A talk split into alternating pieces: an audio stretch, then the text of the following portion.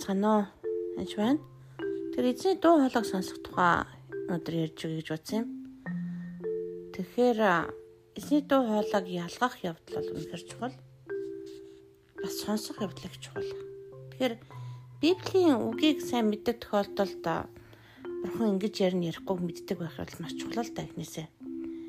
Аа тэгэд ариун сүнсийг сонсоход үнэхээр чимээгүй дуу хоолой дотроос ярьдаг гэдэг сайн ойлгох хэрэгтэй.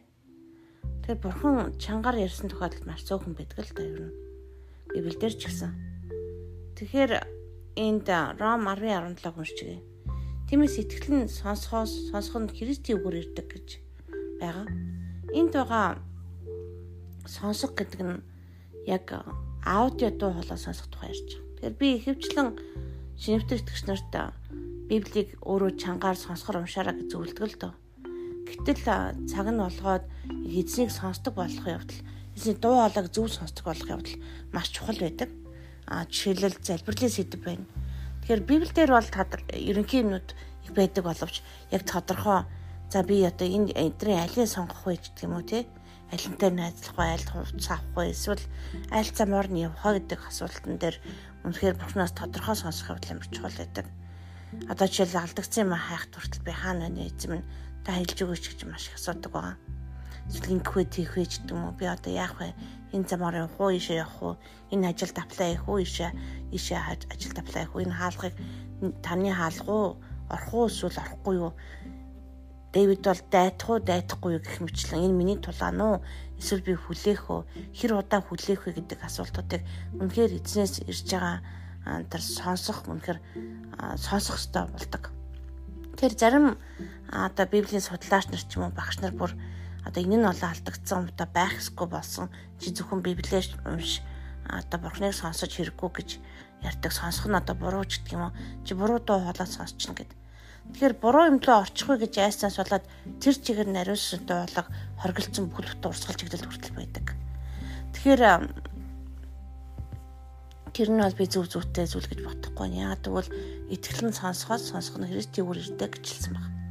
Тэгэхээр эхэндээ яг Библийн үгийг чангаар сонсоод сонсож болно л да. Гэхдээ амьдралд байгаа маш олон асуултуудыг хамгийн түрүүнд мэдээж ариун сүнс мэдчихэл байгаа.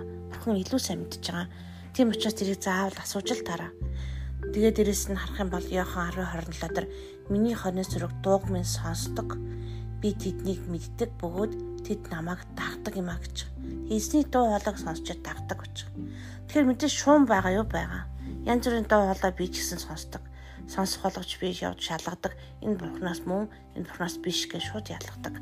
Тэгэхээр чөтгөр дандаа л янз бүрийн ярьж лээдэг. Библийг библиэс харах юм бол ив байгаас эхлээл ярьж эхэлсэн байгаа чөтгөр байнга л хүмүүсийг ярьдаг ингэтийг гэл ялангуяа чи тэгж болохгүй чи бол бүтлэхгүй ч юм уу чи чи гэж ярьж байгаа дуу хоолой л ерөөсө бурхнаас биш байх магадлал маш өндөр байдаг. Аа бүхэн ер нь гэвчлэн хайрладаг шүү миний хон тэгэрээ миний хүү ингээрээ гэд голцоо хайрладаг байгаа. Үнэхээр буруу юм хийж байгаа юм бол сануулж хилдэг байгаа. Гэхийдээ сануулдаг. Тэрнээс шууд барьж аваа шийдэгд байдаг ерөөсө бурхан биш. Тэгэхээр дуу хоолойн дээр үнэхээр аа чөтгөр үнэхээр бурхны дуу хоолойг сонсохгүй маш их хордог. Дуу хоолой сонсох нь буруу гэж хордог хүн байна. Дуу хоолой сонсож болохгүй гэж хорсон байна. Тэгээ зөв бурууг нь ялгах явдал чухал болохоос биш дуу хоолой одоо ялангуяа Иесусийн дуу хоолойг сонсох нь буруу ерөөсөө биш. Ядгал сонсох нь үнэхээр бурхны өөс ах. Тэгэхээр Исая 54-өөс 5 уншия. Ядарсан хүнд үгээр хэрхэн туслахыг мэдээсээ химэн эзэн бурхан надад шавийн хил өгсөн. Тэр өглөө бүр намааг сэрэн шав мэд сонсгохын тулд тэр миний чихийг нээн эзэн бурхан миний чихийг нээв биш татгалцсангүй гэдрэг ухарсангүй гэж байна. Тэгэхээр бурхан миний чихийг нээх явдал үнэхээр чухал таны чихийг нээх явдал ч гэсэн чухал. Тэгэхээр би ингэжтэй сайн сонсдог байсан ч гэсэн чихийг минь бүрэн дүрн нээж өгөрөө бүрэн дээшлэх тусмаа нарийн ялгахгүй болвол бодосоос маш адилхан үгээр ярих гэж оролддог. Библийг өөр хүртэл ярих гэж оролддог. Библийн үгээр ярьж ахаар л өө бурхан байна гэж ойлгож болохгүй шүү. Чөтгөр хүртэл Библийн үгийг маш сайн мэддэг. Тэгэхээр дуу хоолойг нь таних явдал нь илүү чухал.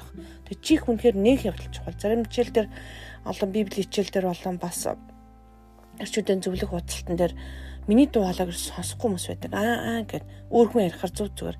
Ямар ч та би нэгэнд нэлээд нөгөө хүнд дамжуулахаар зүгээр сонсдог ч юм уу.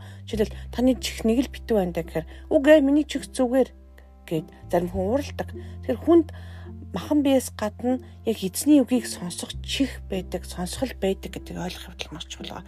Миний чихийг нээв гэж байгаа юм. Хин хэр эзэн бурхан. Тэр эзэн бурхан миний чихийг нээж өгөөч би татгалзахгүй байна гэдрэг ухрахгүй таныг би үнэхээр нарийн сайн сонсдог болмоор таны дуу хоолойг мэддэг болмоор байна гэж үнэхээр хэлэх хэрэгтэй. Тэгэхээр аудио чанга дуу гэхээс илүү дотор хүнээс ярьж байгаа юм шиг тэр дуу хоолой ч гэсэн нарийн ялгах хэрэгтэй. Тэгэхээр үнэхээр бид нар Бурхны үгийг сайн зөв сонсдог байх юм бол бид нар яах ёстой юм бэхээр яадаг болох юм бэ? Ядарсан үнд үгээр хэрхэн туслахыг мэдхийн тулд шавийн хил өгсөн. Тэгэхээр үнэхээр шав тэр өглөө бүр намааг сэрэн шав мэд сонсохын тулд тэр миний чихийг нээн гэж. Тэр үнэхээр зөв сонсдог байх явдал үнэхээр чухал. Тэр дуу хоолойг сонсох одоо одоо эзний зүг биш өмнө өшөө гэдэг ялгах явдал чухал. Бүр огт сонсохгүй байх нь зөв зүйл юусоо биш. Тэр эзэм та миний чихийг нээж өгөрөө гэж залбираа. thank you